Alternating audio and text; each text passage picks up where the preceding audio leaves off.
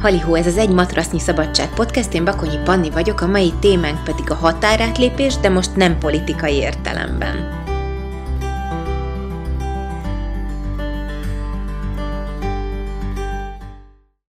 Harsog a média, a fitness magazinok és egy csomó edző is azzal hirdeti magát, hogy ő segít átlépni a te határaidat, lépd át a határaidat, a csoda az a határaid átlépésénél fog megtörténni, no pain gain, ugyebár a örökbecsű filmnek az idézete, látni egy csomó szenvedő arcú, véres verejtéket, mm, hogy is mondják ezt, szóval véreset verejtékező edző embert, sokszor jogában is, jogásoktól is hallani, illetve látni, hogy, hogy szenvednek, hogy elérjenek bizonyos pózokat. Jó ez? Erre szeretnék ma kitérni, és elmesélni, hogy én hogy gondolom ezt a határátlépést. Az egészen biztos, hogy a mi testünk az a stresszből ért. Stressz alatt most nem az üvölt veled a főnököd című mm, érzelmi és mentális stresszt értem, bár abból is fejlődünk, stressz alatt inkább itt behatást értek. Szóval valamiféle nehézséget, valamiféle kihívást kell adnunk a testünknek, hogy fejlődjünk, hogy tanuljunk, méghozzá azért, mert adaptálódik hozzá, ahogy egyre nagyobb és nagyobb kihívásokat adsz a testednek, úgy lesz egyre erősebb, vagy rugalmasabb, vagy robbanékonyabb, igazából amilyen kihívást, amilyen feladatot adtál neki. Van is ez a mondás, hogy teher alatt nő a pálma, ez abszolút igaz, de az a nagy kérdés, hogy vajon mekkora a megfelelő mennyiségű teher, amit erre a pálmafára érdemes ezt, érdemes rápakolni. Mi az, amit alatt még fejlődik, és nem pedig kettérecsen, és hogy ezt tök laikusként honnan lehet tudni, hogy te vajon most megfelelő stresszt, behatást adtál le a szervezetednek, vagy túl keveset, vagy túl sokat. Hogyha túl keveset, akkor mi történik? Nagyjából semmi. Lehet, hogy tök jól érzed magad évekig a joga gyakorlásodban, az edzőteremben, a bármilyen sportodban, de az egy nagy jel, hogyha nem fejlődsz semmit, tényleg semmit, akkor vagy a gyakorisággal van gond, vagy az intenzitással, vagy a módszerrel, de hogy alapvetően azt kimondhatjuk, hogy nem elegendő a behatás, amit adsz a testednek. Fontos, hogy átlépd a határaidat valóban, szóval elég nagy stresszt, feladatot rój magadra, de nem mindegy, hogy milyen határokat lépsz át.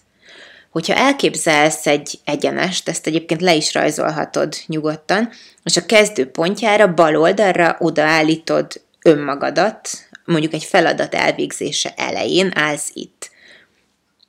X távolságra, nem tudom, mondjuk 5 centire rajzolj egy pontot, és aztán onnantól mondjuk még 5 centire rajzolj még egy pontot. Itt tudod, mint amikor óvoda, nem óvodában, általános iskolában rajzoltunk ilyen számegyeneseket, aztán jelöltük, hogy Józsika ekkorát tud dobni, Petike meg akkorát, ha egymás után dobnak, akkor mi lesz a max távolság, szóval így képzeld el. Szóval az első pont, amit bejelöltél, ahol állsz az edzés előtt, vagy mozgás előtt, feladatvégzés előtt. A második pont, amit bejelöltél, az jelöli a mentális határaidat. A harmadik pont jelöli a fizikai határaidat. Sok esetben azt gondoljuk, hogy ezek a mentális és fizikai határok, ezek egybeesnek, egy pont az, öm, ahol igazából tökéletesen fel tudjuk mérni azt agyban, hogy oké, okay, ez nem megy, és valóban nem is megy, nem tudsz jobban, nem tudom, gyorsabban futni, nem tudsz még egyet ugrani, nem tudsz még egy felülést megcsinálni, teljesen mindegy, hogy mire, vagy milyen feladatról van szó. Szerencsére viszont ezek a fizikai és mentális határok nincsenek együtt, vagy hát jó esetben nincsenek együtt.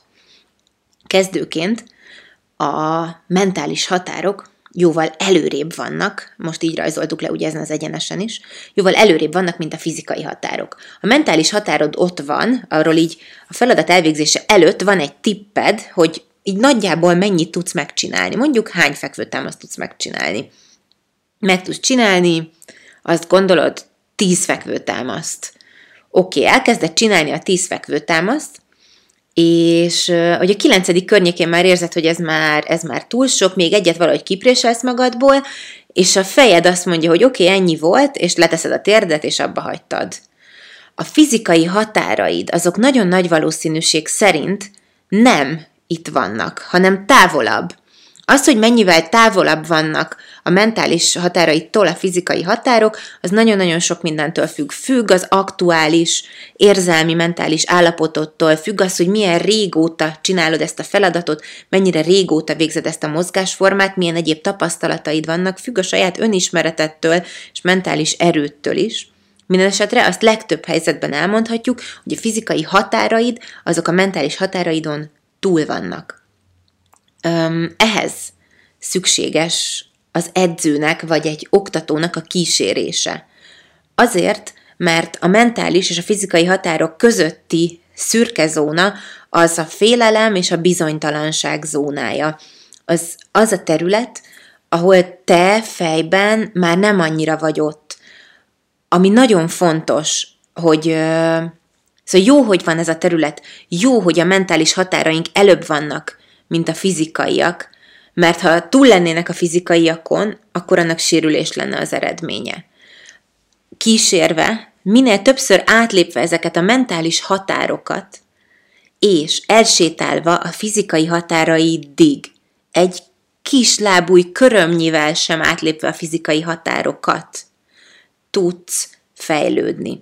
Azt gondolom, hogy az én és az összes többi jogaoktató, bármilyen edző, bármilyen mozgás szakembernek a feladata az az, hogy felmérjük azt, hogy te, amikor gyakorolsz, amikor a feladatokat csinálod, akkor hogy látod a te saját mentális határaidat, hol vannak a te reális fizikai határaid.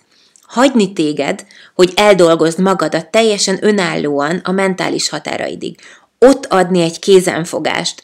Ez bármi lehet, lehet képletesen kézenfogás, lehet egy csomó pozitív megerősítés, lehet gyerünk meg tudod csinálni, van, aki pont, hogy negatívan motiválható, úgyse tudod megcsinálni, most föladod. Bármi lehet, de az a lényeg, hogy egy folyamatos jelenléttel kísérni téged ebben a félelmes, kicsit bizonytalan zónában, a mentális és a fizikai között, elsétálni a fizikai határaidig, ott megállni, körbenézni, azt mondani, hogy figyelj, itt vannak most a fizikai határaid. Stop.